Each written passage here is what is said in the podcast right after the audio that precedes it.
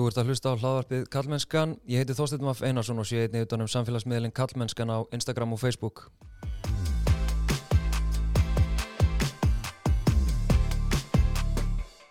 Í dag er ég komið með tvo góða gesti. Þannig að heldi Fjólu Antonsdóttur, eh, doktor í réttar félagsfræði og eh, Katrínu Ólafsdóttur, doktorsnema sem að er að rannsaka já, gerendur ofbeldis og þær eru báða líka tengdar Háskóla Íslands. Velkomnar. Takk fyrir. Takk. Ég, ég, hérna, ég þorði ekki að fara með sko, stöðnir eitthvað í háskólanum og hvað er að gera þar þannig að ég var þetta ekki verið ágætlega að sloppið það Mjög fín. Glæsilegt. Herðu við, eins og kannski gefur að skilja, við ætlum að ræða já bara það sem er að gerast í okkar samfélagi í dag og það snertir svo sannlega ykkar sér svið og það sem að þið hafa verið að rannsaka þannig að hérna við fannst svona við hæfi einhvern veginn að reyna að fá input frá svona ykkur sem að eruð þarna með þessa sérþekkingu og bara getur við kannski aðeins byrja bara á því að reyna að greina sko bara stöðuna. Hva, hvað er að gerast, hvað eru við stött hver er byrja? Já, sko, þetta er svo erfið, þetta er svo, þetta er svo stór spurning, ég fefur í kerfi, sko. já. Ég meina, Það er margt að gera. Það er náttúrulega verið að tala um að þetta sé svona önnur bylgja me too, það sem við erum að horfa fram að núna já, og uh, uh, nú veit ég ekki alveg hvort að, já, Já, kannski svona öðruvísi heldur en sem sagt, fyrri bylgjan, þar sem að voru svona kannski frekar uh, hópar að taka sér saman og segja sína sögur en núna sjáum við frekar einstaklinga sem að stíga fram og deila með okkur sem sagt alls konar upplifunum af ofbeldi sem Já. eru náttúrulega jafn, ólíkar og, og, og náttúrulega bara tilfellin eru mörg.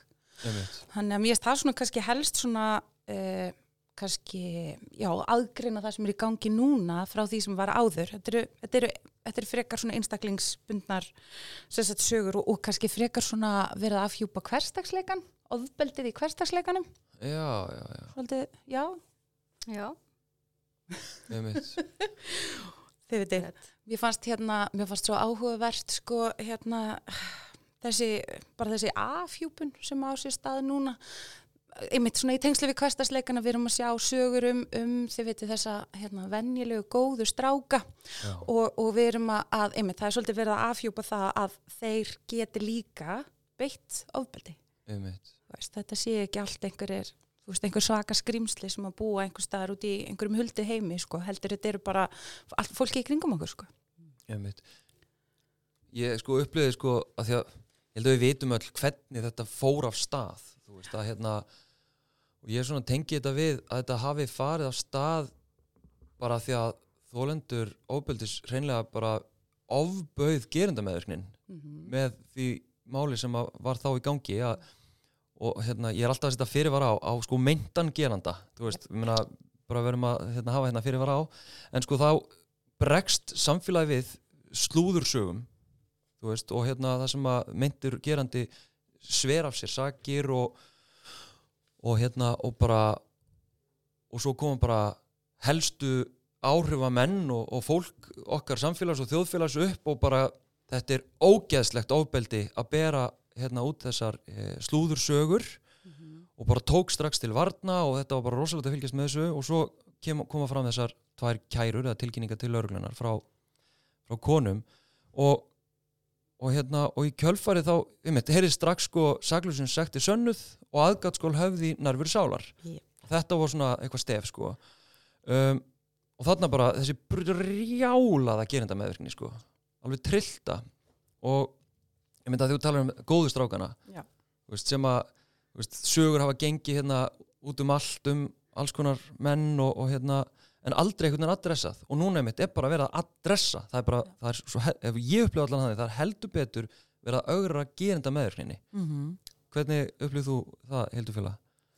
jú, ég held að það sé örgulega bara nokkuð gott, uh, gott mat sko og líka og það er nú kannski svona því að ég horfa á þetta líka út frá svona mínu sjónarhotniða sem ég er svona aðlega verið að skoða, skoða sko réttlætis hugtakið og réttakerfið og, og þá hefur mér, mér líka náttúrulega þetta er þetta ákall um einhvers konar sko réttlæti sko sem það er það sem ég upplifi mjög, mjög stert sko Já. og þegar réttlætið er ekki það sem það á að vera í réttakerfinu sem við vitum, það er svo ofsalega fá mál sem nokkur tíman uh, koma, koma einu sinni fyrir dóm og fáar, fáar sakvellingar að, uh, að þá náttúrulega býður það upp á að, að fólk verða að leita réttlæti sinns með einhverjum öðrum hætti sko mm. og þá eftir samfélagslegum leiðum sko. Þannig að ég setja líka svolítið þannig sko að, að hérna, réttakerfið er að bregðast þólendum kemfyrsbrota uh, og þá þarf að fara aðra leiðir. Já. Og þetta náttúrulega líka talar svolítið inn í akkurat sko þetta mál sem kemur upp, kemur náttúrulega bara rétt á eftir hérna uh, þessari, eftir að niðurstöðunar komur fyrirspurninni hérna á þingi um einmitt, þú veist, hérna hlutvallið, já, einmitt, all, all, all málinn sem snúið er við í landsrétti.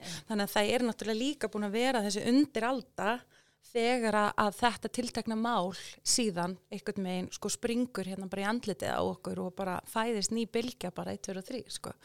Þannig að þetta er svona, veist, þetta er náttúrulega ekki að gerast í tómurúmi, þetta er náttúrulega, veist, einhver uppbygging á bara undir öldu á, veist, þessari, þessari emi tilfinningu, eins og Hildur Fjóla nefnir að, að, að hérna, þú veist, að það er svo erfitt að, að fá emitt, finna réttlætið í þessu kerfi að því það er að bregðast brota þólum, sí endur tekið og er það bara innbyggt í réttakerfið okkar? Já, sko það er náttúrulega alltaf að tala um að sko réttakerfið er náttúrulega ekki búið til um, með það fyrir augum að, að, hérna, að mæta þessum brotaflokki sko. Og, uh, og það hafa náttúrulega verið gríðarlega mikið af svona já, endubótum á svona lagaramannum, núna alveg bara síðustu, ég meina 30 ár þannig séð sko til þess að reyna að koma betur til mótsvið þennan brotaflokk sko En, eh, en síðan náttúrulega núna með tilkomu landsettar og þessari dóma sem er að falla þar og náttúrulega með þessari nýju tölfræði mm -hmm. sem við erum að tala um sko, að þá náttúrulega það var kannski komin ykkur svona gangur í þetta þannig að það var hérna, ég veit ekki hvort þið munið eftir í fyrir svona 20 árum síðan að það var mikil umræða hérna, um beinar og óbeinar sannanir Já.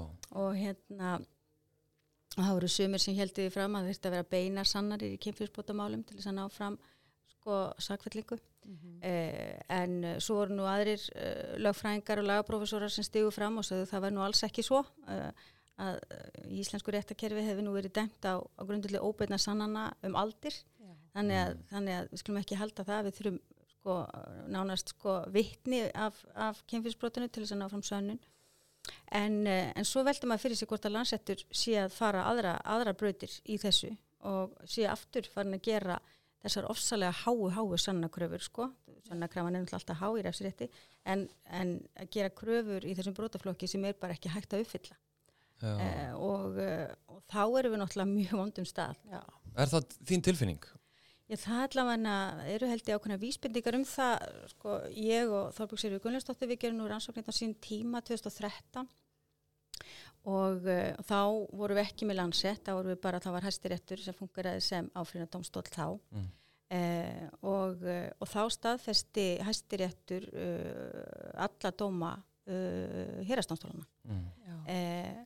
En uh, núna erum við að sjá landsett eftir á móti endalust snúa við, mm -hmm. snúa við dóm, sko. Þannig að svona tölfræðin, ef við lítum á tölfræðin allavega, að þá er allavega sterkar vísbyrningar um það að það sé verið að breyta dómafrænkvæmt í þessum brotaflokki á Íslandi og það er mjög alvarlegt. Einmitt. Og líka ef maður hugsa það bara, þú veist, í samhengi við einmitt, bara samfélagslega umræðu og hvaða áhrif það hefur á alla brotafóla þegar þau lesa um dóma sem að snúið við, veist, upp í landsrætti. Veist, þannig að þetta hefur miklu viðtakari áhrif heldur en bara í þessu tiltakna máli sem að þarna er snúið við. Þetta hefur bara svona, svona rippuleffekt skiljið, náttúrulega bara á alla sem að þekka til svona mála hafa orðið fyrir einhvers konar ábeldi þetta er svo triggerandi. Já, einmitt, og talandum triggerandi sko, ég hérna þú veist, já, því ég er náttúrulega með samfélagsmiðl með hérna nokkur þúsund fylgjendur og, og einhvern veginn er svona flæktur inn í þessa umræðu og náttúrulega hef lengi reynda að hafa áhrif á mm, menningabundnar hugmyndir sem ég til að styðji eða dilji eða feli þessar, þessar áhrif á þætti sem að bara reynilega næra ofbeldi og yfirlæti og allt þetta. Uh, og svo kemur þetta upp og ég svona vill einhvern veginn uh, hafa áhrif á umræðina og beinin ekkert og, og ég finna að það er veist, þetta, er, þetta er alveg ótrúlega flókið. Þetta er alveg sjúglega viðkvæmt og, og hérna náttúrulega bara konur hafa líst í hérna, þólendur ofbeldis hvað bara það allar þess að sögur sér í gangi þá er bara tögakerfið mm -hmm. þeirra bara á þönum mm. veist, þetta er bara alveg brjálæðislega tryggjarandi og, hérna, og ég er náttúrulega ekki þólenda ofbeldist þannig að veist, ég er svo forendafyrtur ég finn ekki fyrir þessu og líka bara veist, að því að ég vel hérna ákveð sjónarhótt á umræðina og það eru gerendur og svona ábyrg gerenda og það leit út fyrir mér allavega á tímabili þetta náttúrulega gerist allt svo ógeðslega hratt sko, en það leit út bara hérna, kom allar þessar sögur og hérna frásagnir og, og það var svona rosa upplifið sterk rafa á uh, að gerendur axli ábyrð einhvern veginn gangist við gjörðum sínum gangist við bara þeir, þeirri menningu sem að þeir hafa í rauninni skapa og tekið þátt í og bara svona hætti við því, bara mm -hmm. þessi krafa ég upplifið það.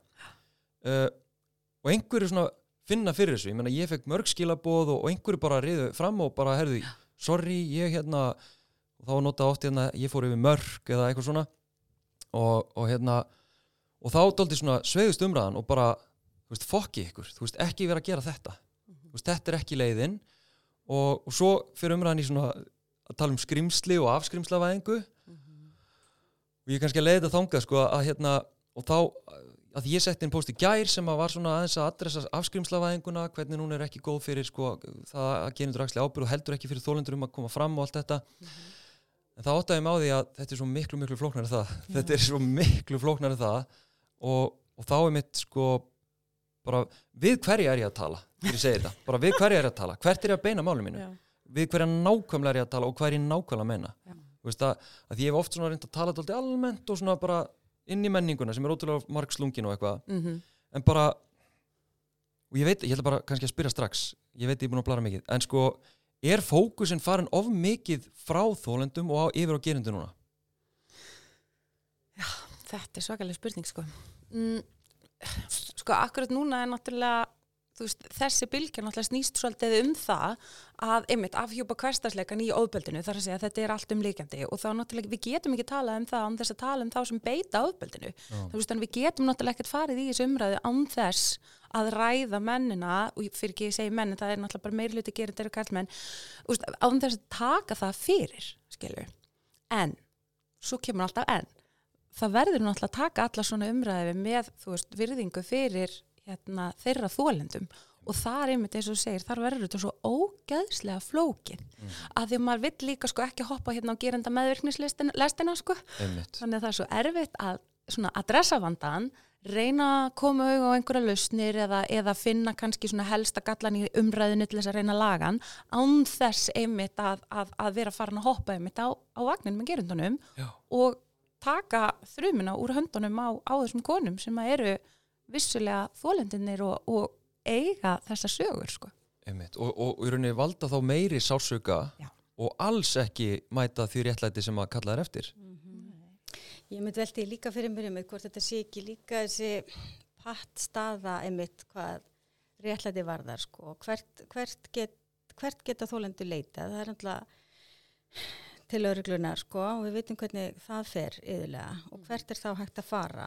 Ekki, ekki við það eða sko hvað gerir maður þá sko?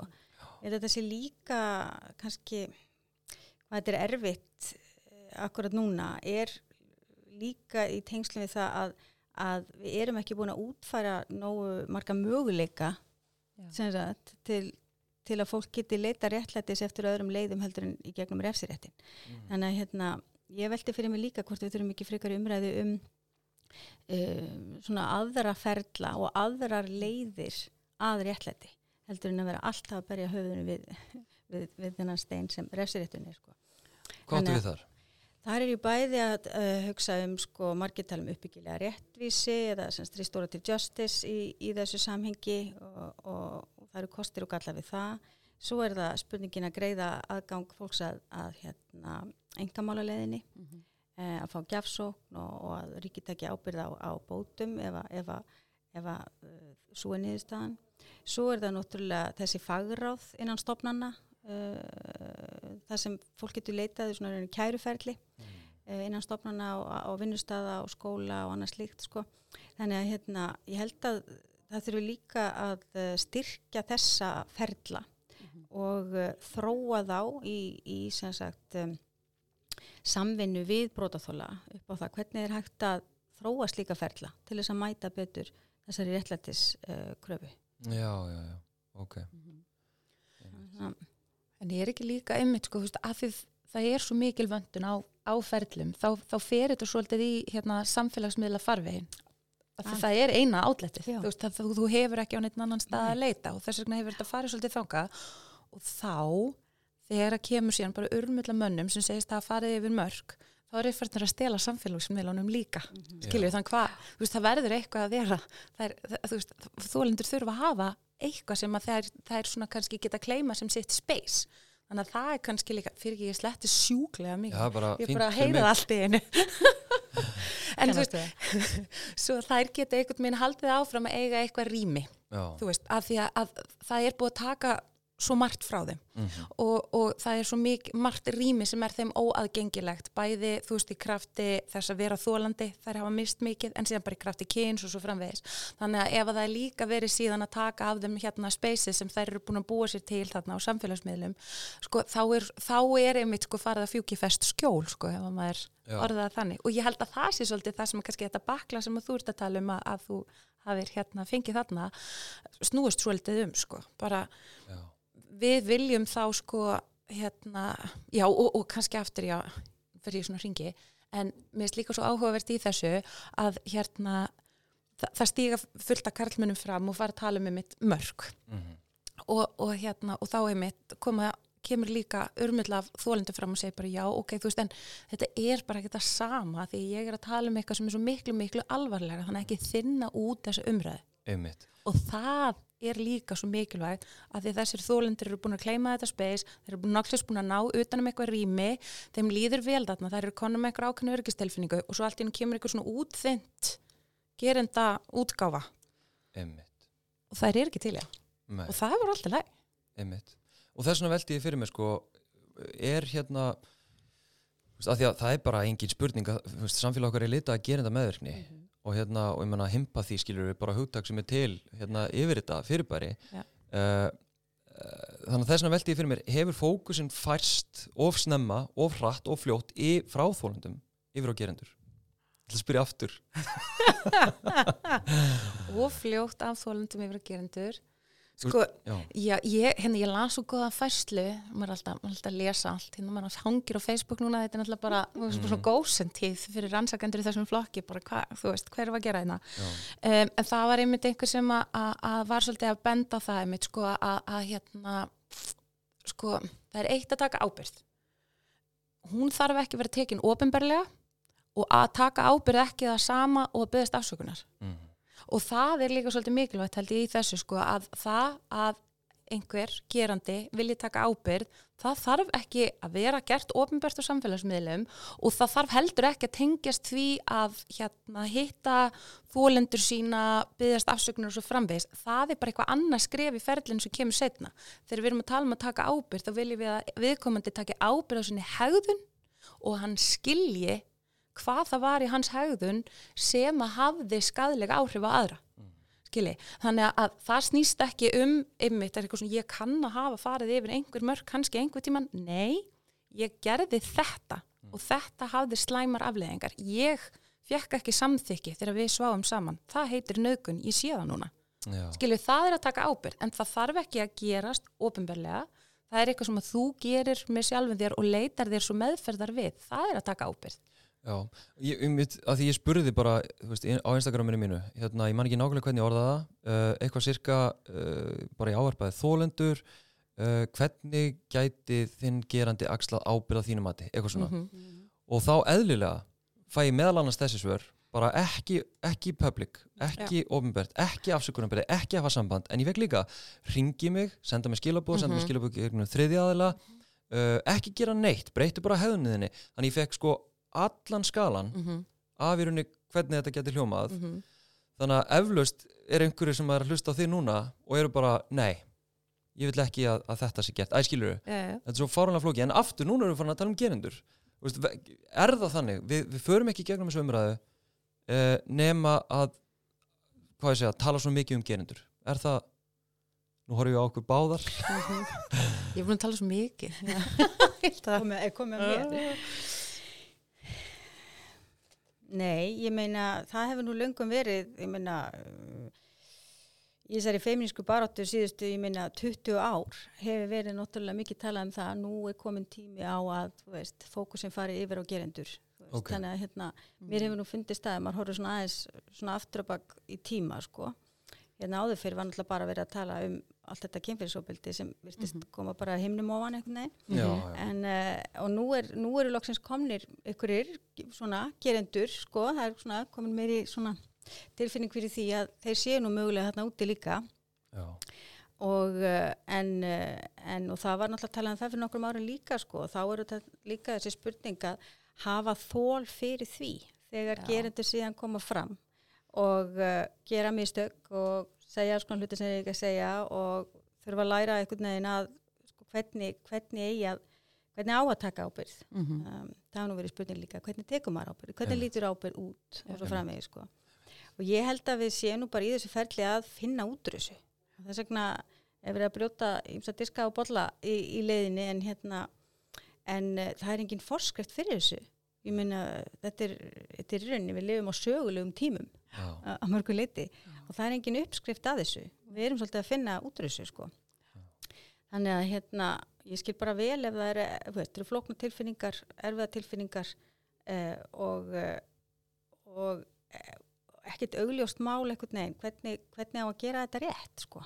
Nei. Þannig að það er kannski líka þetta að hafa eitthvað svona smá tolerans fyrir okkur sjálfum og, og öðrum sko í þessu. Einmitt. Hérna árunum fyrir maður þá dýbra inn í, inn í gerendur og, og hérna skrýmsla orðræðin og allt þetta sko, er önnur eitthvað til í bara að gefa mér einfalda skilgrinningu á skrýmslavæðingunni þú veist bara hvað er skrýmslavæðing uh, og líka hvers vegna hún er slæm hver vil taka þetta? Já, ég, það er bent á mig hér. Já, sko, hérna, skrýmslavæðingin náttúrulega gengur út af það að við höfum einhverja fyrirgef, fyrirfram gefnar hugmyndir um það bæði hverjir fremja ofbeldi og hvernig slíkt ofbeldi lítur út. Það er náttúrulega svona bara forskriftin að þessu. Og þá sjáum við náttúrulega í tengslu við nöðganir oft fyrir okkur til dæmis ókunnugamenn og þegar að hérna við sjáum fyrir okkur sagt hvernig ofbeldi á sér stað þá eru þetta yfirleitt þú veist átök og, og það eru sínilegir áverkar og svo framvegist þannig að þetta er svona ákveðin hugmynd um það hvernig þú veist kynferðisofbeldi lítur út. Svo þegar kemur að, að, að hérna sagt svona ábeldi í nánum samböndum þá sjáum við oft fyrir okkur einstakling sem bara vaknar á mótana, bara gríðalega reyður og hann bara býður einfallega eftir því að, að konan komi heim svo hann geti einfallega lag með hana. Já, já, en hann er líka rosalega séður og er bara að lemja hana á skrokkin svo það sjáist ekki þegar Já. við einmitt vitum nýjastu rannsóknir bara sem er verið að vinna á Íslandi akkurat núna sín okkur að það er engin munur á ofbeldis áverkum hvenna sem koma á bráðum áttökuna hvort sem er eftir heimilisofbeldi eða, eða annað ofbeldi ok. skilju, þetta eru nákvæmlega sem áverkar Já, þannig að þetta er svona stereotypiskar hugmyndur um það hvernig bæði gerandi og ofbeldi lítur út sem eiga sér ekki stóð í raunveruleikan ok. Svo líka held ég mitt eitthvað í þessu með náttúrulega sangat okkar, okkar lögum að það er náttúrulega nöðguninn alvarlegasti glæpur sem getur, getur framið sko en á sama tíma vitum við að þetta er nokkuð breytt og hverstarslegu glæpur. Einmitt. Þannig að hérna, þetta er mjög erfitt að halda á þessu hvora tökja einhvern veginn á sama tíma sko. Einmitt. Og hvers vegna er þetta en kannski liggur augum uppi hvers vegna þetta er slæmt en, en hvers vegna er þetta slæmt jú, ég kannski bara spyr beint hvers vegna er skrýmslavæðing slæm fyrir gerendur óbildis og fyrir þólendur óbildis Vilt þú svara um þú elendur og ég? Nei. Ég, það er náttúrulega, maður er, sko, skrýmslavæðingin, sko, maður hefur náttúrulega einhver ágjör af því að ef maður er, sko, gerendur eru skrýmslavættir um of, að þá er engin leið fyrir þá í rauninni til þess að stíga fram og taka ábyrgð. Nei. Vegna þess að maður er náttúrulega bara ágjör af því að, að þetta innra sjálf bara meðhendl höndli ekki, sem sagt þetta identitet, sko. Og, og, og að þá séu náttúrulega bara varnaviðbröðin þau að skella í lás og, og afnýta öllu sko. og uh, þannig að skrimslavæðingin er náttúrulega ekki góð upp á þetta. En á sama tíma er náttúrulega líka mikilvægt að halda þetta til haga að þetta eru alvarlegir glæpir sem hafa ofsalega alvarlegar afleðingar og, og að, að það geti skipt fólk mjög miklu máli þólendur að líta svo á að við komum til sér skrimsli sko. Já, og eins og Já. þú varst að segja áðan þú veist að það er líka náttúrulega mála sem hegðunin er slíka að skrýmsli er eina sem manni dettur í hug sko. Þannig að, En, en svo er sko, sko líka, þú veist, að, að út frá skrimslavæðingunni þá gerist það líka að, þú veist, bæði þólendur og gerendur eiga oft erfitt með að átta sig á því að það sem að þau er að upplifa í sínu daglega lífi er ofbeldi vegna þess að það fittar ekki mítunni, skilji. Og, og við höfum, þetta hefur verið rannsaka töluvert með hérna þólendur og, og, og hérna, og svona það er aðeins verið að skoða þetta með hérna gerendurna líka og þetta er svona svolítið það sem ég er einmitt akkurat að skoða núna. Það er svolítið einmitt hvaða áhrif þessi hugmynd hefur á upplifun þessara einstaklinga af sínum verkum sko. en það er einmitt þetta sko, þú veist að, að þú ert með svo ótrúlega skýra mynda því hvernig ofbeldi er lítið og bara pælið í því skilja hvaða ofbeldisverk eru dregin til umfjöllunar í fjölmiðlum. þú veist, það eru skrýmsla og það er skrýmsla ofbeldi, það er ofbeldi sem passar hugmyndunum okkar, við heyrum ekkert af hínu ofbeldinu, sem er síðan ein, ein af afleðingunum, sko, af þessari nögunamenningu og skrýmslavæðingu, sko já, já. þannig að, að hún er sagt, slæm fyrir, fyrir bara alla þólendur, gerendur, vegna þess að hún afvega, eða sko hún slær svo miklu ríki í augu okkar hvað var þar svona kannski tengslin við hvað raunverulegt ofbeldi er og hvernig það lítur út Einmitt. Þannig að einlegin er vantilega meðal annars að tala um uh, að ofbeldi er alls konar. Veist, það er ekki bara ein tegund af ofbeldi. Einmitt. Einmitt. En, en hérna af því að við erum í, í skrimsla pælingunum og ég gerði þarna tilhörun til þess að tala inn í svona þá orðræðu að, að það áttaði ég þig og við byrjuðum á því áðan, eða ég byrjaði á því áðan að tala um að skipti máli við hverju við erum að tala og hvert fókusin, hvert við erum að beina fókusnum í umræðinni mm og, og þú veist, þegar við tölum um að við þurfum að afskrimsla að gerendur að þá fekk ég nokkur þó nokkur skilabóð um það að sko að sumir gerendur það er upplifun þessara þólanda eru bara hreinlega skrimsli þú veist, og, og hafa að þeirra mati enga burði eða innistæðu eða einsýn í, í hegðun sína eða gjörðir til þess að axla á þeim ábyrð þeir eru bara skrimsli þeir beita ofbeldi kerfisbundið eh, þeir gera viðbjóðslega hluti og, og, hérna, og hilja yfir það, gaslæta uh, þú veist, ég hef heyrt alveg bara hræðilega sögur um þetta og eðlilega er það tryggarandi fyrir þólendur ofbeldi sem að hafa lendi í þannig ofbeldi sem að verist vera algjörlega skipulagt og meðvitað og svo frammeðis Mhm. þegar við erum síðan að tala um að herðu, við erum nú aðeins að róa umræðan og afskrimsla að gerendur Já. þú veist, þannig að mér langar aðeins að fara inn í þetta líka þú veist að bara geta allir gerendur ofbildis axlað fullnæðandi ábyrð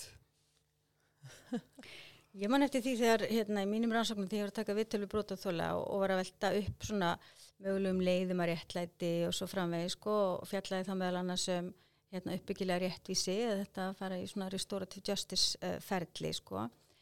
Og ég man eftir, man eftir því þú veist að brótaþólum almennt fannst svona hugmyndafræðin góð sko því að hún gengur náttúrulega út á það að gerendur sem takja ábyrðagjörun sínum og yðrist og byggðist afsökunar og breyti hegðun sinni og og svo framvegi sko og þeim fannst hugmyndafræðin góð. En yðurlega sögðu að ég held að í mínu tilfelli myndi þetta ekki henda vegna þess að hann myndi misnota þetta ferli, hann myndi þú veist, annarkot ekki vilja fara í þetta ferli eða misnota það eða, eða nota það til þess að kenna mér um eða, eða eitthvað slíkt þannig að hérna, það var mjög algengt, já, algeng svör við þessu sko Já. og hvað álíktar út frá þessu?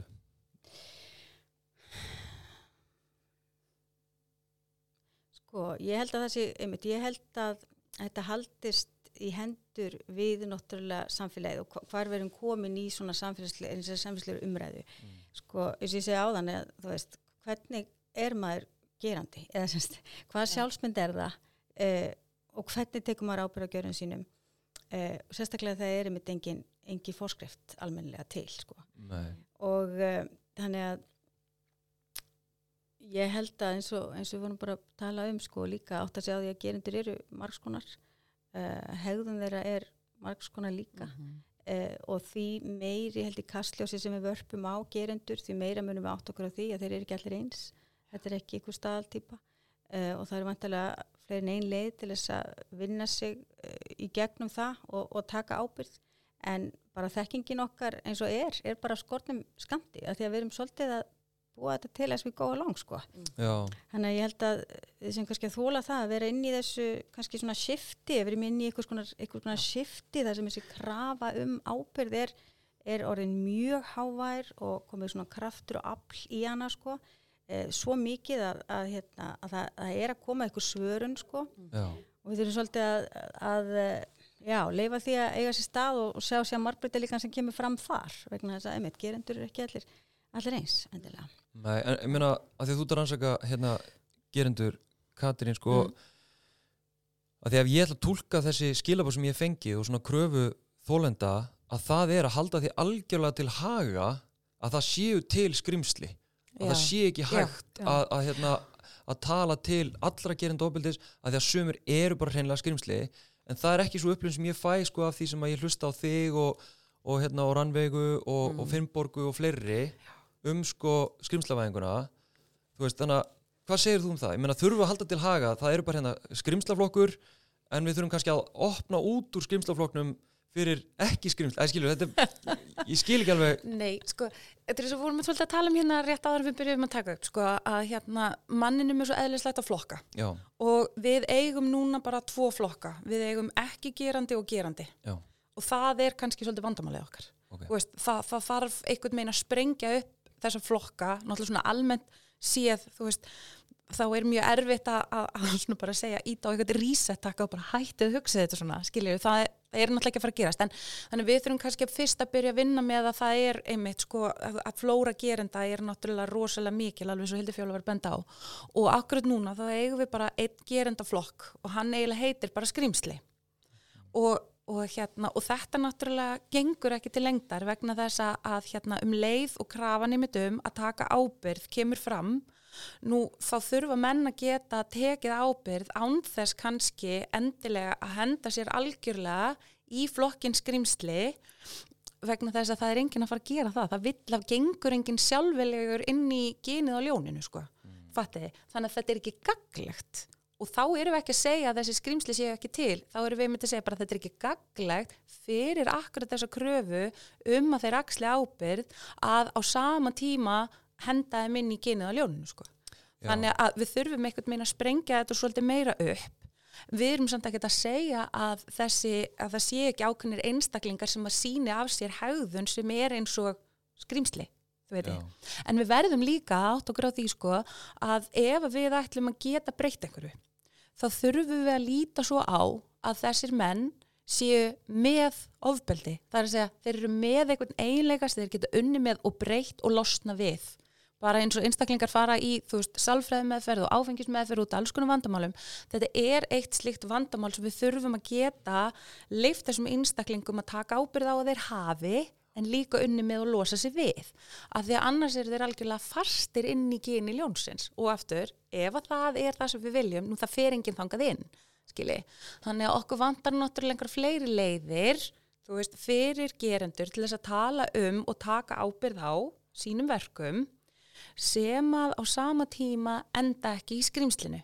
Já, Sko. en, en sum, ég ætla að segja sumar eh, þólendur Já. eh, hreinlega þrá og vilja sjá sína gerendur í geni ljónsins Akkurat. og jætnir og bara, þú veist, burtu Já. með þig sko, burtu með þig af, af vinnustanum mínum, burtu með úr, úr samfélaginu mínu, Já. burtu með úr sjónvarpinu mínu skilur þetta, þú veist, burtu úr rýminu Já. Mhm. Og, og augljóslega, þú veist, og ég skil það alveg. Þú veist, ég, ég skil það alveg og auðvitað vilt þú ekki horfa upp á kvalara þinn í sjónvarpinu. Okkur, þú vilt ekki að kvalari þinn afgreiði þig á kaffehúsinu, augljóslega ekki. Mm.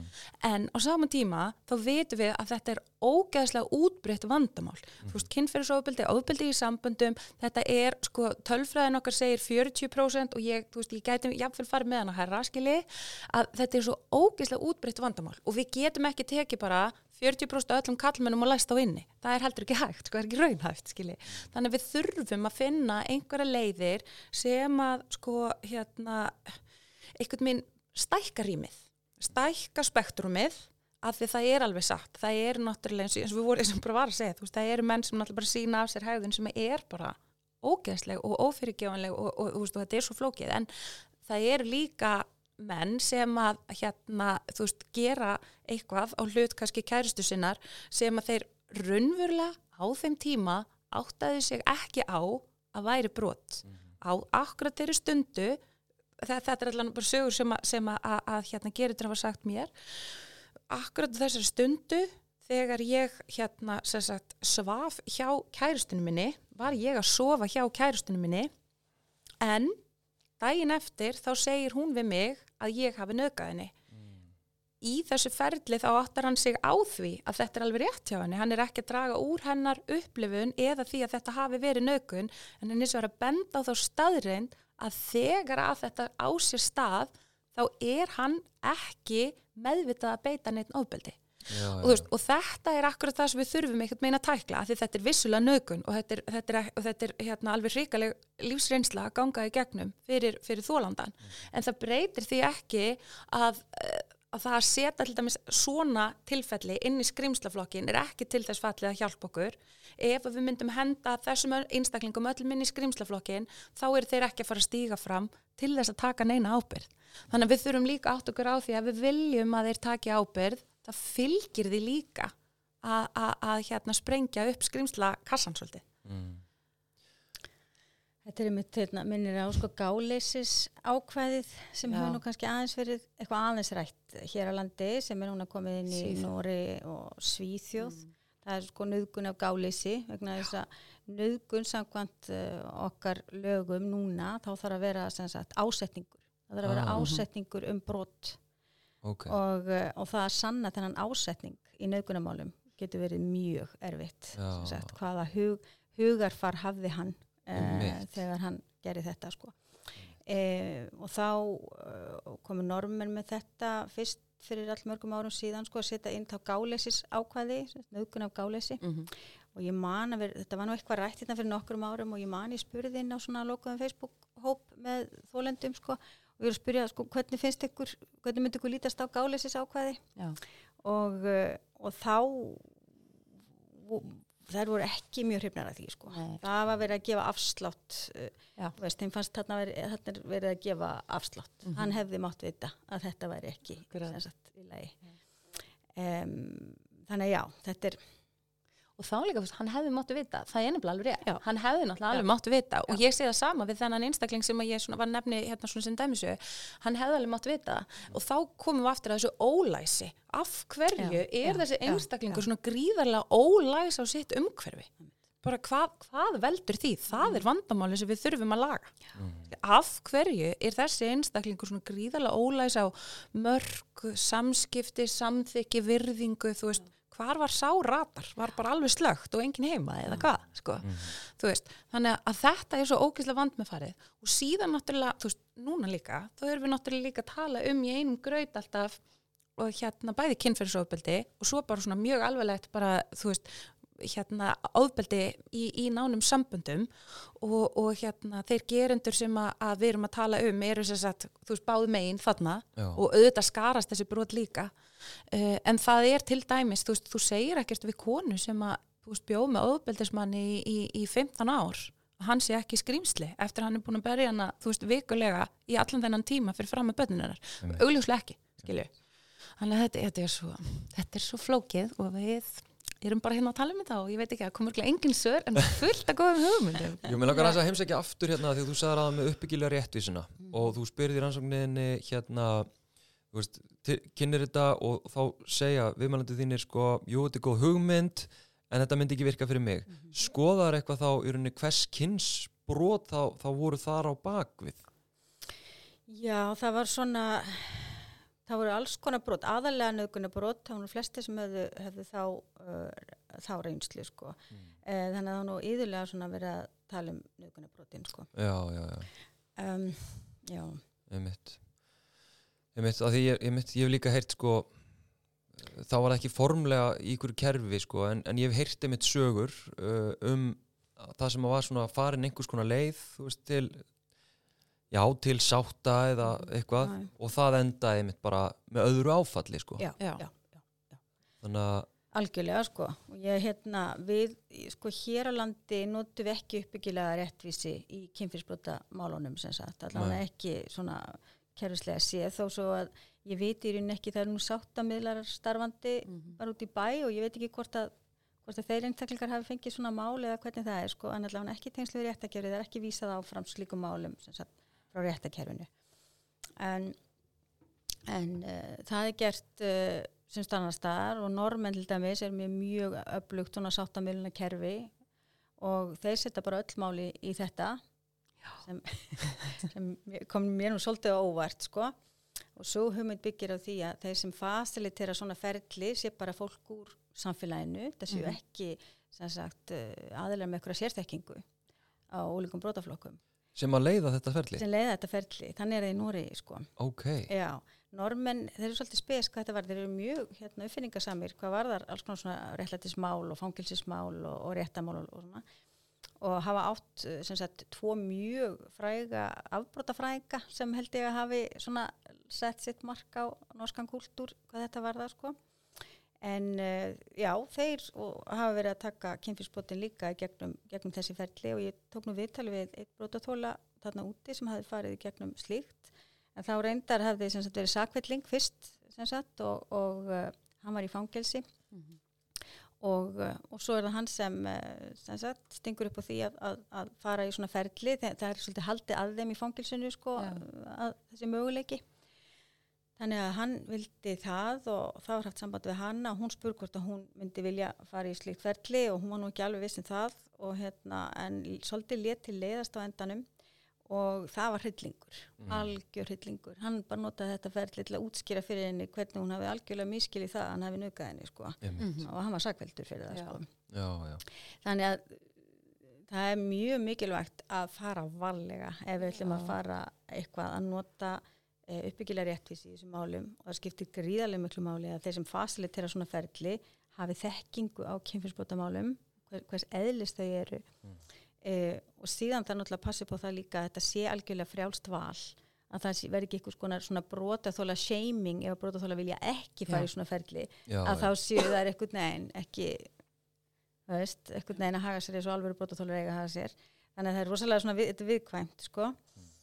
en síðan er alltaf þessi spurning af hverju ættu gerendur að vilja sjálfviljur sem sagt fara inn í svona ferli til þess að fá að taka, taka ábyrð Mhm. eh, og ég held að það verði ekki fyrir en að samfélagslegu þrýstingur sé nægilega mikil Já. að, að þetta verði raunverulegt uh, raunverulegu möguleiki sko. samfélagslegur þrýstingur þá á gerendur Já. að Já, að verða að gera eitthvað Já, að já. verða eitthvað neginn að, að, að leitast við að taka ábyrð En- að þá getur mögulega þetta verið en er sá þrýstingur ekki daldið að skapast núna ég held það nefnilega Já. Ég held það nefnilega, til dæmis þegar ég var að taka viðtölinn það var 2015-16 eitthvað svo leiðist þá var það ekki, fannst mér, alls Nei. ekki sko. en ég held að núna með tímanu bæði náttúrulega með fyrstu bylgjunni á MeToo og svo núna líka núna eh, að þá held ég sé að skapast mögulega þessi þrýstingur Mhm. það sem þú veist, gerendur hugsa bara þú veist, ég verð eitthvað neginn að díla við þetta sko, einmitt, þú veist, og hvernig ger ég það einmitt. og sumir hafa virðist vera, ég náttúrulega hérna, það eru alveg ótal dæmi eða nokkuð mörg dæmi um, um gerendur, ofbeldi sem hafa svona stíði fram og einmitt talað um mörg eða eitthvað óviðigandi, eitthvað svona óljóst sko. Uh, sem að hafa fundið þá vantilega fyrir þessu, þessum þrýstingi og, og einmitt eins og við lístum aðeins á hann veist, þetta er veist, þannig ég er, ég, nú er einn að staðsetja aftur, ok, þessi þrýstingur þarf að eiga sér stað. Bara, þetta er ekki læg, þú veist, það er bara allt og mikið ofbeldi hérna, við erum að stoppa ofbeldið ok, það eru gerindur sem beita ofbeldi. Hvað er þessi gerindur, að finna þessi gerindur varpa ljósa á það og, og, og láta það axla ábyrð uh, svo einhvern veginn er þetta svo lagskipt og, hérna uh, lagskipt og, st og stigskipt þú Já. veist, bara eðli brota og, einstaklingarnir og, og hérna og hvernig mitt þólendur upplifa þetta og allt þetta. Þannig að er það ekki fólk eins og þið sem verður alltaf að stiga inn og herðu, við erum aðeins að sortir umræðina Já. Sko, já, við, við hérna erum að því alltaf á kvöldin, sko, þá fyrir við gegnum Facebook og erum bara, já, nei, nei, nei, en sko, það er hérna, það er mjög, það er mjög margt hérna sem er, sko, áhugavert. Í fyrsta lagi náttúrulega kannski líka að, hérna, við, hérna, þólendur vilja að gerendur taki ábyrgð. Það er, sam, það er bara yfirleitt krafan, sko, að, að það er svona hluti að þeirra ferli að fá einhverja lausna, það er að viðkomandi viðurkenni að, að hann hafi, hérna, beitt ofbeldi. Og, og, hérna, og það er alveg eðlilegt. En, en þar kemur sko, eða bara, bara fullkomlega skililegt og, og hérna þar kemur stundum fram þessi munur síðan sko það sem að þólandi upplifir sem ofbeldi og hvað þólandi getur talið til sem atvik sem að ofbeldis atvik og svo framvegs mm. það samræmist ekki upplifun geranda sem að kannski frekar fókusirar á þetta eina atvik ah. þetta atvik sem að þegar lauruglan kom heim vegna þess að voru svo mikið læti að nágrannanir ringdu mm. það atvik, ég skal, ég skal tala um það eða þá sko hérna ég skal tala um hérna nöðgunna vegna þess að, að, að hérna, það var raunveruleg sakfelling. Það, það er oftar þannig að það er einhver svona fókus á einhver einstök atvik á meðan einmitt sko hérna brotaþólar, allavega þeir sem ég hef talað við sko, uh, sko þar var fókusin miklu víðari. Það er jú, það er nefna auðvitað ákveðin atvik, en þær eru samt líka bara að tala um bara svona ofbeldis minnstur, bara svona, þetta er bara svona risa ofbeldis bara kökk sem þar voru einhvern veginn fastar í sko, þú veist og þá erum við að tala um bara stjórnandi hegðun, andlet ofbeldi allt sem er fylgir skilji. Þannig að þetta er ekki eitthvað einstakt atvik. Þannig að, að, að það verður líka oft svona misræmi í, í sko óskum Sagt, hérna brotaþóla þá á einhverja ábyrð og síðan því sem að gerandin sem að þó ætlar að axla ábyrð síðan raunverulega axlar ábyrð á sko. þannig að það síðan sko bara svona til þess að bæta á þessu köku að flækjum sko. mm. þá er það líka gríðarlega ofbyrð þess að flóki, þannig að þegar að síðan gerandi ætlar að stiga fram og taka ábyrð nú hvað, þú veist áhverju er hann að fara að taka ábyrð og er það það sem að hans brotaþóli var að býða eftir eða, eða hvað sko. þannig að þetta er bara Ég held að myndi þessu samingi og í samingi við svona uppbyggilega réttvísi að þá er talað um um eitt sko ef að slíkferðli eiga að koma vel út að þá skiptir öllu máli um eitt undibúningsferðlið.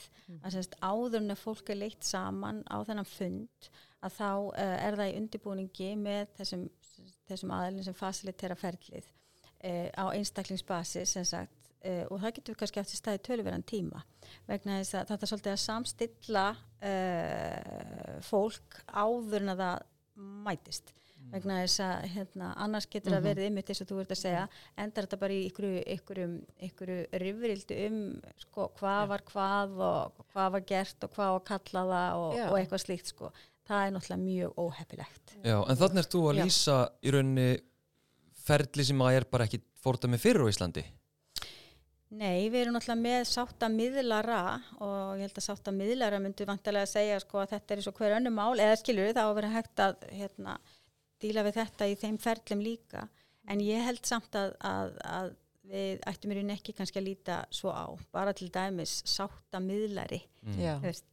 Brotaþólar það er ekki það já, þetta er ekki spurning um sætti sko. það er bara ekki Akkurat. það sem spurningin er um, sko, þetta er spurningum ábyrg og hérna, þannig að það þarf að vera svolítið skýrt, við þurfum að finna rétt uh, sagt, orðalag, mm. réttu orðin yfir þetta og rétta undirbúningsferðlið og það þarf að þjálfa fólk í þetta ja. og svo framvegis og þetta þarf að gerast náttúrulega í samstarfi við brótaþóla eh, og svo framvegis, þannig að þú veist, við erum svolítið langt í land held ég að sko þróa þetta þannig að, þannig að þetta sé nú eitthvað sem hættir að bjóða upp á. Einmitt, af því því að ég er mitt sko það, ég er bara að lýsa því sem ég sé í kringum mig og það er rauninni sko það er ekkert sátt að ferli, það er bara einhver sem finnur einhverja pressu og bara já ég er nú örgulega sigur ég er nú örgulega mhm. farið við mörg og, og svona.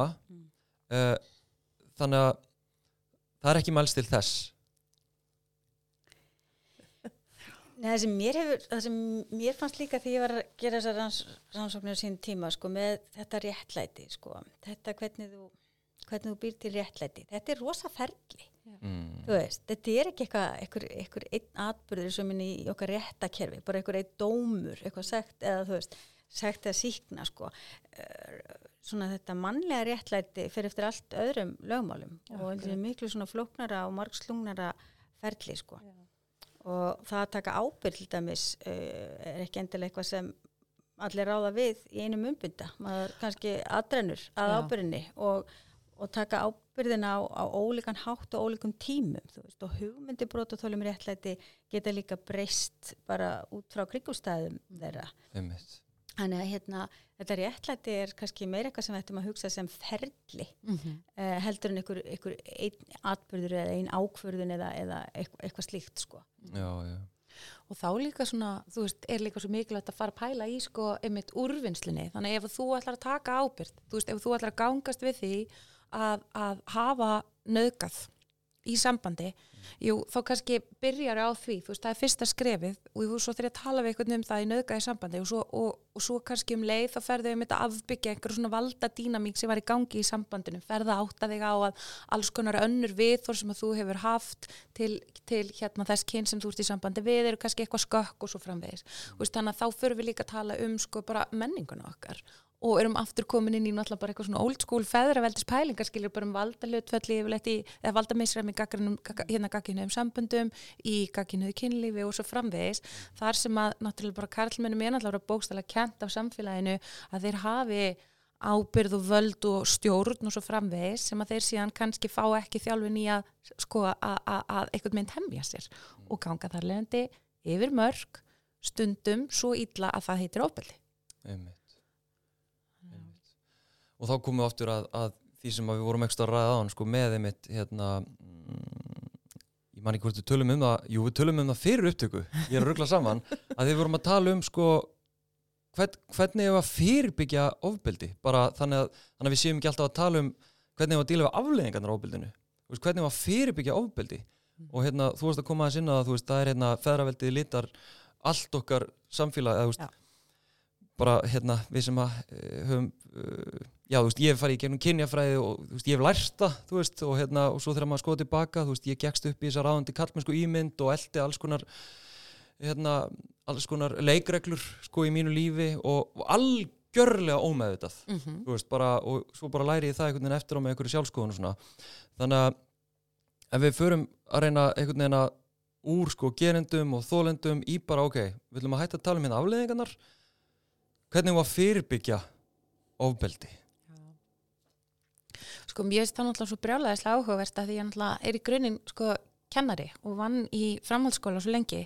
Þannig að ég hef svo mikla trú á forverðnum og ég veit að við getum gert svo mikið með góðum forverðnum Þannig að það er náttúrulega nummer 1, 2 og 3 og við náttúrulega vitum það að það er bara búið að vera gríðarlegt ákallum bæta kynfræðslu, um aukna kynjafræðikennslu og þú veist og við erum bara ótiljandi mörg hérna sem erum alltaf að hamra á þessu og segjum það bara einu en það þarf að stór auka og bæta kynja og kynfræðslu í hérna grunn- og framhaldsskólum það þarf að byrja miklu fyrr, þetta þarf að vera miklu umfangsmeira og þetta þarf að taka á þessu félagslega þætti sem að sambönd, náinn sambönd byggja á það þarf að taka það fyrir bara sérstaklega hvernig við tölum saman, sínum virðingu og svo framvegis. Mm. Öðruvísi verður þess að geta breytt. Þannig að þetta er náttúrulega eitthvað sem við getum byrjað að gera núna og mun kannski eftir 20 ár skila okkur rosalega vel upprýstri og, og flottri kynnslóð en þetta er augljóslega náttúrulega það sem við þurfum að fara að gera skiljur. þetta náttúrulega lítur að vera staður en það sem við byrjum sko.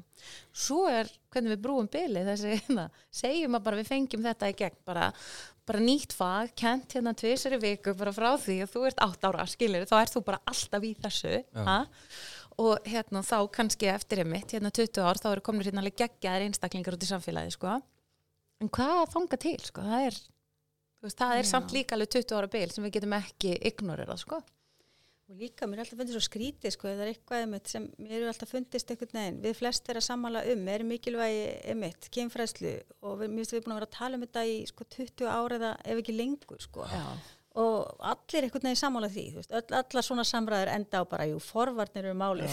Og þar verða einhvern veginn allir Já, veist, svo, gerist ekki neitt. Og ég bara ég, það, er, það er eitt af þessum þáttum ég bara, all, bara skil ekki Nei. hvernig við höfum ekki náð lendingi í þessu. Nei, akkurat, að kenna þessum börnum bara samfélagslegt læsi bara af hverju erum við ekki að gera þetta? Af hverju vandra ekki við þennan þátt svona svakala kennu þeim svo endaljósta starffræði svo þau getur nú örgulega allferð að læra verkfræði sem síðan ekki nema kannski fjögurpróstaðum lókar að læra. Að þú veist þetta er svo galið sko. Mm.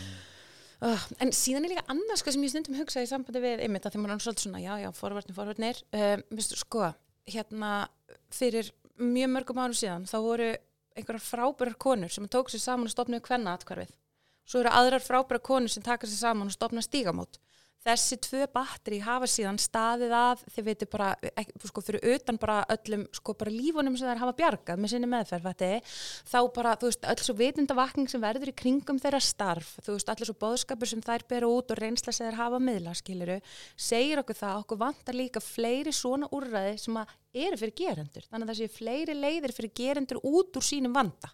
Til þess einmitt að ganga ekki inn í genljónsins hérna og vera bara fastir sem skrimsli að það sé einhverja leiðir út fyrir menn sem að vilja einmitt taka ábyrð að þeir geti leitað einhvert. Og þá vantar okkur fjölbreyttari meðferðar úrræði að því þessu brotur er rosalega ólík og það finnst ekkit öllum þegar ég er heima hjá heimilisfriði sem að núna er einu starfandi samtökin sem að, taka móti einstaklingu sem hafa byrta ábyrði uh, sko það vantar eitthvað fyrir til dæmis bara unga strákar sem beita kynferðisofbeldi. Hvert er þeir að fara? Þeir hafa ekki hugmynd, þeir ringja yfirlega nýri stígamót og stígamót hafa engan stað að beina þeim á sko nema til sálfræðinga. Nú það er þryggja mánu að byggð og kosta 30 skall eða æði viti. Þetta vantar líka og þetta væri líka ein leið út úr vandanum, það er í rauninni að ebla sko hérna meðferðarúræði eða, eða slíkt fyrir, fyrir hérna einstaklinga sem að kljást við sko óbeldis hugsanir, þannig að það væri jafnvel hægt að leita þangað áður en þú aktar á hugsunina, skiljiði mig. Einmitt, það er náttúrulega mjög aðtiklisvert eða svona aðtugunarvert eða eitthvað umhugsunarvert, ég veit ekki hvað orðið ég á að nota að hvað eru til ótrúlega mörg hérna, svona, samtök og, og stuðningskerfi fyrir þólendur Mm -hmm. en ekkert fyrir sko úst, þá afleiðinguna skilur Mhm. fyrir þólendunar í staðin fyrir gerendurnar En það hafa þeir ekkert verið til. Nei, þeir voru ekki þeir hafa ekkert verið til Þeir voru Nei. ekki til, sko. Akkurat, Nei. og ég minna að Það voru þólendur sjálfur sem að stopnuði hinn samtökin, þannig að kannski bara komið að gerendum sjálfum að taka sér saman og, já, Já. kannski komið að, þú veist, karlkins feministum og, og gerendum að taka sér saman og stopna einhvers konar stígamót eða, eða atkvarfið að slíkt skilji fyrir, fyrir hérna karlkins gerendur að, að leita til. Að þetta þarf náttúrulega líka að vera gert á réttum forsundum þannig að þessi físilegur kostur fyrir þessa gerendur, það er nefnilega líka þetta er svo vand með farið, þetta, það getur ekki hver sem er gert þetta, Nei, það er nefnilega líka málið. Einmitt. Þannig að, þú veist, en, en sko, svo er þannig að líka bara fullkomlega eðlilegt að við fyrst að, að, að við beinum fyrst sjónum okkar að þólendunum að því að, að þú veist, þar er bara þar er sárið sem blæðir, sko. En síðan, náttúrulega þurfum við að fara að stoppa þessi sár, sko, nýsár. Vi, við, við getum spornað við þarna með því að, að bara hugs, huga betur af því hvernig við, við tölum við börnin okkar og, og, og svo framvegis. En, en síðan er þetta hvert eða er að fara og getum breytt umræðinni við erum að því núna. Fleiri svona hérna, fleiri, fleiri box. Æ, algjörlega. Ekki það, ég vil ekki að séu box ég vil þetta séu svona ég veit ekki, svona þægilegar brautir fleiri brautir fyrir þú lendur að leita í þannig að, að það sé físilegt fyrir þá að, að lappa út úr gerenda bóksinu inn á einhverja braut sem að, að einhvern megin leiðir þá út úr ábeldinu og, og inn í ábyrðina og úr ábyrðinu yfir í jafnvel fyrirgefningu. Sem þetta þeir byggjast afsökunar. Já, já, einmitt.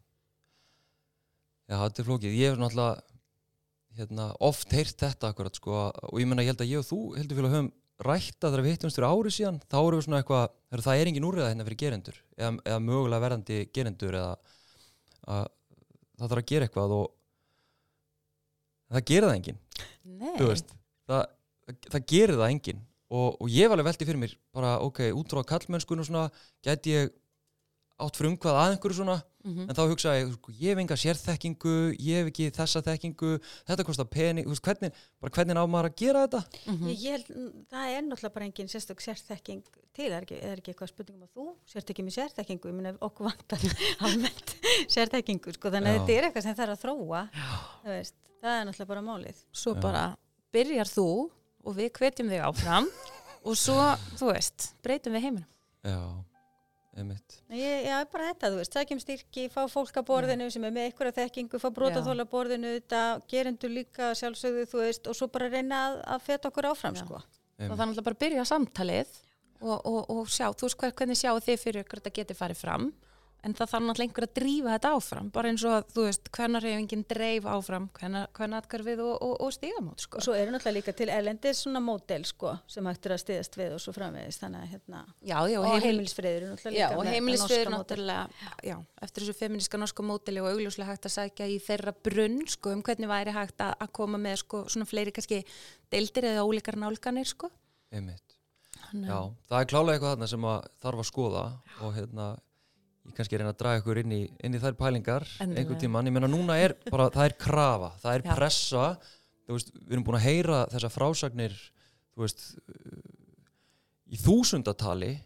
Þú veist, það er bara, það er komið að, að því að við tökum eitthvað annað skref eitthvað næsta skref. Uh, það er ekki með því að friða saminsku sína. Þá er tala við gerendur að hérna hlaupa fram og segja sorry ég fór yfir mörg, hugsanlega kannski. Mhm. uh, það er eitthvað annað og það er eitthvað miklu flóknara uh, við getum ekki og þá er ég að tala um gerendur geta ekki hvað að segja, sært þólendur ennfrekar með því að hlaupa fram. Þetta þarf og krefst íhugunar, vandvirknis og, og einmitt að því að brotin er svo mörg. En það sem ég samt er ennþá svona, kannski svona rétt að lokum, músikinni komin hérna undir, ljúfið tónar að sko það er þetta með skrimslin að því að, þú veist, nú er ég með hérna þú veist, samfélagsmiðl og, og það er mörg að fylgja og hlusta og það eru margir líka bara almennir áhrif að valda sem eru í umræðinu og hafa áhrif á umræðina og Mhm. orðræðina þú veist, eru þið með eitthvað teik til þess að adressa, þú veist, að þetta hefur verið svo klift og skorið. Þetta hefur verið, þú veist, það eru þólendurina og það eru gerendur og þeir eru axla ábyrð og, en þetta er svo miklu flóknara þetta er svo margslungnara þú veist, það eru það eru bara mennað núti líka sem að eru bara virðist vera viðbjóðusleg skrimsli Mhm. Ég meina, hvernig höldum við því til haga, Já. skilur við Já, sko, við höldum til að haga með því að muna að, þú veist, ofbeldi er svo margt, ofbeldi er á einhverjum skala og sum brot eru einfallega ógislegar og verri heldur en önnur. Og við náttúrulega megum aldrei gleyma því.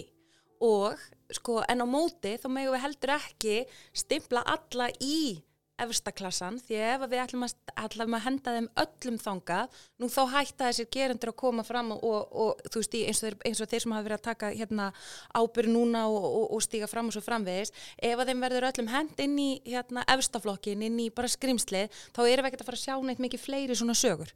En við það tækifæri núna til þess að taka umröðin um það að ofbeldi er skali, jú, sumt ofbeldi er ógislegt og ég fer alveg hérna í toppin á því sem við bara þólum án þess að fá bara verk, skilji, ef við fáum verk þegar við heyrum þetta bara í magan, við finnum fyrir þessu. En þetta er skali, þetta er marglaga og ef við viljum kalla fram sagt, hérna, ábyrð gerenda, þá þurfum við að leifa þeim að koma fram og, og, og sína þeim smá sko, þólin með, með það að það eru fleiri flokkar brotum, ofbeldi er, þú veist, er svo margt. Heldur þetta mæti réttlæti í hugum brótaþóla Ég, ég náttúrulega bara tek undir þetta, ég held að við þurfum einhvern veginn að hérna, e, já, átt okkur á því. Náttúrulega gerendur eru, eru vantarlega eins ólíkir og þeir eru margir, ekkur leiti og, e, og ofbeldisverkin eru ekki öll eins eða þau sömu. Og, e, og, e, og því meira sem við heyrum frá gerendum, því betur held ég munum við átt okkur á því að, að, að það er ákveðin fjölbyrtileg flóra þar og um, að ein leið sé ekki endilega fyrir alla. Mm. Þannig að ég, við erum bara í miðri á, held ég. já, við erum bara þar Já. Ég djúpri á að synda. En já, en kannski svona bara já, og gerendur samt sem að, sko, þú veist, við viljum að, að viljum að sem flesti stíði fram og, og, og, og taki ábyrð og þann máta sem að, að, passar en einhvern veginn á sama tíma líka sko það þarf alltaf að gera það með virðingu fyrir þólendum. mm. Þólendunir eru þessum skipta sko samt sem áður alltaf mestum áli í þessu. Mm. Einmitt. Er eitthvað sem við höfum er eitthvað sem að þið brennið inni með svona árin í slekka upptökunni og hleyp ykkur hérna út úr, úr svitakompuni um, sem að við höfum bara ekki nefnt eða farið í gegnum eitthvað svona sem þið brennið inni með eitthvað svona stuðt. Nei, það má vera langt, ég er bara hérna, heldur sem sliða gangandi endalaust sko. Endalist erum alltaf hérna í átrú músikinni og Já. Ég er nú kannski, ef ég má koma að hérna varandi eitt af því sem ég hef verið að uh, bauka heilmikið er þetta hvernig við styrkjum sko réttastöðu brótaþóla Já, innan kerfisins og hvernig við líka komum í gegn sko gjafsókn fyrir þá brótaþóla sem vilja fara í Mhm. yngamál sko ef máli hefur verið felt niður í kerfinu sko mm og, uh, og ég vann tilugur á sín tíma uh, um það og það var stýrihópur fórstræðara um hilstar útbætur er varða kynfyrsbrotin sem hérna baði mig um að vinna tilugur og gerði margt annað gott líka í þessum, í þessum flokki. Og núna er sem sagt uh, komið fram frumvarp sem dómsmálaráður er búin að kynna á, á þingi. En uh, ég verða að viðkynna það að ég var fyrir mjög miklu vonbröðum með þetta frumvarp, það er mjög stutt, stutt farið þar. Ah, og uh, þannig að það er ennþá mikil, mikil vinna eftir að, að, hérna, að koma þessu í það horf uh, sem það ætti að vera í að mínum að allavega. Þannig að hérna, það verður vantilega að halda áfram þeirri vinnu einmitt á nýju, á nýju þingi. Viltu vera nákvæmur að því að dómsmálaráðara er að koma hengað á eftir? Hvað erst að tala um þetta frumvarf? Hvað geti ég spurt út í? Sko, þetta er frumvarpum bætta réttastöðu brotaþóla, uh, uh, fallara og aðstandenda uh, látina brotaþóla og, uh, og þetta er ágætis frumvarp eins langt og nær en það nær mjög stutt. Hvað var að brotaþóla svona almennt, þá er þetta spurningum að hérna lauruglu, beri skilda til þess að upplýsa brotaþóla um framgang síns máls til dæmi sem er náttúrulega mjög gott og mjög mikilvægt Eh, og svo er það líka að brotaþólar fái aðeins aukið aðgengi að gögnum máls á rannskonastíði sem er líka mjög gott Mhm. sko en eh, það er eiginlega ekkert farið út í svona heilstæða það sem ég tel okkur vantar er heilstæð sín á stöðu brotaþóla innan sakamála réttafars og það hana er ekki að finna í þessu, í þessu frumvarpi. Ég myndi vilja sjá að brotaþólar væri að gera aðilum, aðilumáls eða allan að fengju flest þau réttindi sem aðilumáls hafa til þess að fá fullar upplýsingar í gegnum allt réttaferlið og uh, rétt til þess að taka þátt í ferlinu og, og semst, þá í gegnum allt ferlið. Líka ef mál fer fyrir dóm og svo framvís. Ok. Þannig að hérna, já, þannig að þetta voru, þetta voru sko vombriði og nú veit ég ekki alveg hvort að það sé tækifæri til núna að, að koma inn breytingatilugum, við vonum það, Já. hvernig reyngin er búin að senda umsögn og ég er búin að senda umsögn og fleiri aðilar. Þannig að það er spurning hvort það sé að bæta þetta frumvarp eitthvað núna eða hvort þetta sé spurningum að ná því bara í gegn sagt núna og halda þá áfram að reyna að ná breytingum, frekari breytingum í gegn sem sagt á nýju, þingi og það með nýja ríkistjórn. Já, já. Þannig að þetta er svona spurning hvernig maður snýr sér í því. Einmitt. Ok. Ég reyna að koma þessu fyrir eftir. Hérna, en alltaf þegar umræðan fer sko að snúast um lög og réttarkjörið, þá verður þetta svo tæknilegt Já, að ég flókið. bara, þú veist eins og varandi útlendingamálinu og svona, ég bara, ég bara missi fókus. Ég bara veit ekki alveg, ok, þú ert þá að meina, þú veist, þú bara veit ekki hvað ég er að meina. Þetta er, þetta er sjúklega flókið. En hérna, ert þú að brenna inni með eitthvað, eh, Kata? Um, já, kannski eitt sem ég langaði að skjóta inn í lokina því að nú er ég búin að vera að vinna svo mikið viðtölum við menn sem hafa einmitt gengist við Já. og hérna það sem að þeir glíma við er náttúrulega uh, sko þeir eiga svo ótrúlega erfitt með að sjá sín verk sem jafn slæm og það sem að skrimsli gera, skiljiði mig. Mm. sumir þeirra hafa jafnvel kannski alveg gert hluti sem að við myndum kannski alveg jafnvel vilja setja inn í skrimsla hópin en ekki allir, skiljið, ég er búin að tala við alls konar menn sem hafa gert alls konar hluti og svona. Og, og hérna, og það sem er, það er bara svo áhugavert þarna er að þeir, þeir eru svo mikið að kljást við þessu hugmynd, sko, hvernig getur einhver annar skilgreint það fyrir mig að ég sé svo vondur að ég sé bara sko það sem að samfélagið álítur sko bara verstu tegund af mannesku. Mm. Veist, hver, af hverju megið þið ákveða það fyrir mig því að ég kannski ætlaði ekki að gera þetta, gera þetta óvart eða þetta er nú ekki svona slæmt og svo framvegis. Og ég er náttúrulega að reyna að segja ykkur rosalega rætt að því að sumt af þessu sko er náttúrulega þeir að reyna að afsaka sig frá hlutunum en þeir eru samt líka að reyna að koma orðum að því að ef að við hendum sagt, að, að því að umræðan hefur verið þannig að allir sem að gangast við eða ásakaðir um eða dæmdir fyrir hérna kynferðsofbildi eða ofbildi í nánum samböndum þeir séu skrimsli. Og þeir eru svona að reyna að koma orðum að því að þeim finnist það sem að hérna ágækk í þeirra tilviki ekki svona slæmt, þannig að þeir eigi ekki heimi í þessum kassa og, og þá er það svolítið svona mín greining á þeirra sögum að ef við hefðum einmitt meira spektrum ef, ef, ef að skalin okkar yfir ólíkt ofbeldi væri einhvern meginn komin lengra við í umræðinu værum farin að tala meira um ólíkt eðli brota og, og einhvern meginn reyna að skala þau svo litið að þá væru þeir kannski líklegri til þess að finna sér stað og geta svolítið stoppað þar og ef segjum að þeir gætu þá þú komist hálfa leið þá gætu við kannski vísaði með meðferð þannig að þeir myndu svo átta sig áfattið að þeir þurfi að fara ennþá lengra og feta sig aðeins upp skalan skilji, Ertu að tala um til þess að þeir breyti hegðun sinni eða gangist við hegðun bæði. Já, já, sko, annars vegar er það náttúrulega að þe þess allan að þeir sem ég hef talað við hafa náttúrulega gengist við einhverjum brotum. Uh, að, að hérna þá er ég að tala um bæði í rauninni, annars vegar sko þeir, að þeir og svo í framhaldinu með því að taka ábyrðina þá byrjar kannski einhver vinna og þá áttar þig á að þetta var í rauninni ennþá meira. Skiljiði? Ah, já Fattiði, þannig ég held líka ef við leipum umræðinni, sko ef við, ef við sprengjum skalan, búum til hérna eitthvað, eitthvað plás fyrir þess að menn til þess að fara kannski hálfa leið, ég ekki, ætla ekki að leifa þeim að stoppa þar, nei, en þeir þurfa kannski, hvað ég var að segja, svona einhverja stoppistöð á leið sinni, skilur mig? Já, Svo myndu þeir koma til þín í nýju meðfyrastöðum. einmitt Ég ætla að vera að segja það sko Ég ætla að grípa það hana það er, það er þetta Þetta úrræði sem, að, Já, sem það við erum að fara vantar. sem við erum að Við fara erum búa að fara að búa til, Sem við erum að algjörlega. að Já, já. já, já. Er- Bara að er- að skrifa styrkum sóknu eftir. Er, er þetta ekki bara ákveðið? Jú, Hérna ákveðið Slegið. á meðan að ég sitt aftur tónanakkar undir og það er hérna kúpl út úr þessari viðkvæmu umræðu, marg slungnu en hérna við sjáum bara hva, hvað þetta gerir hvort þetta skýr eitthvað umræðan að hafa eitthvað áhrif á hana ég, maður náttúrulega veit það ekki sko maður veit aldrei neitt. Við flækjum bara hlutina. Já, haldið þið það? Nei, ég vona nú ekki.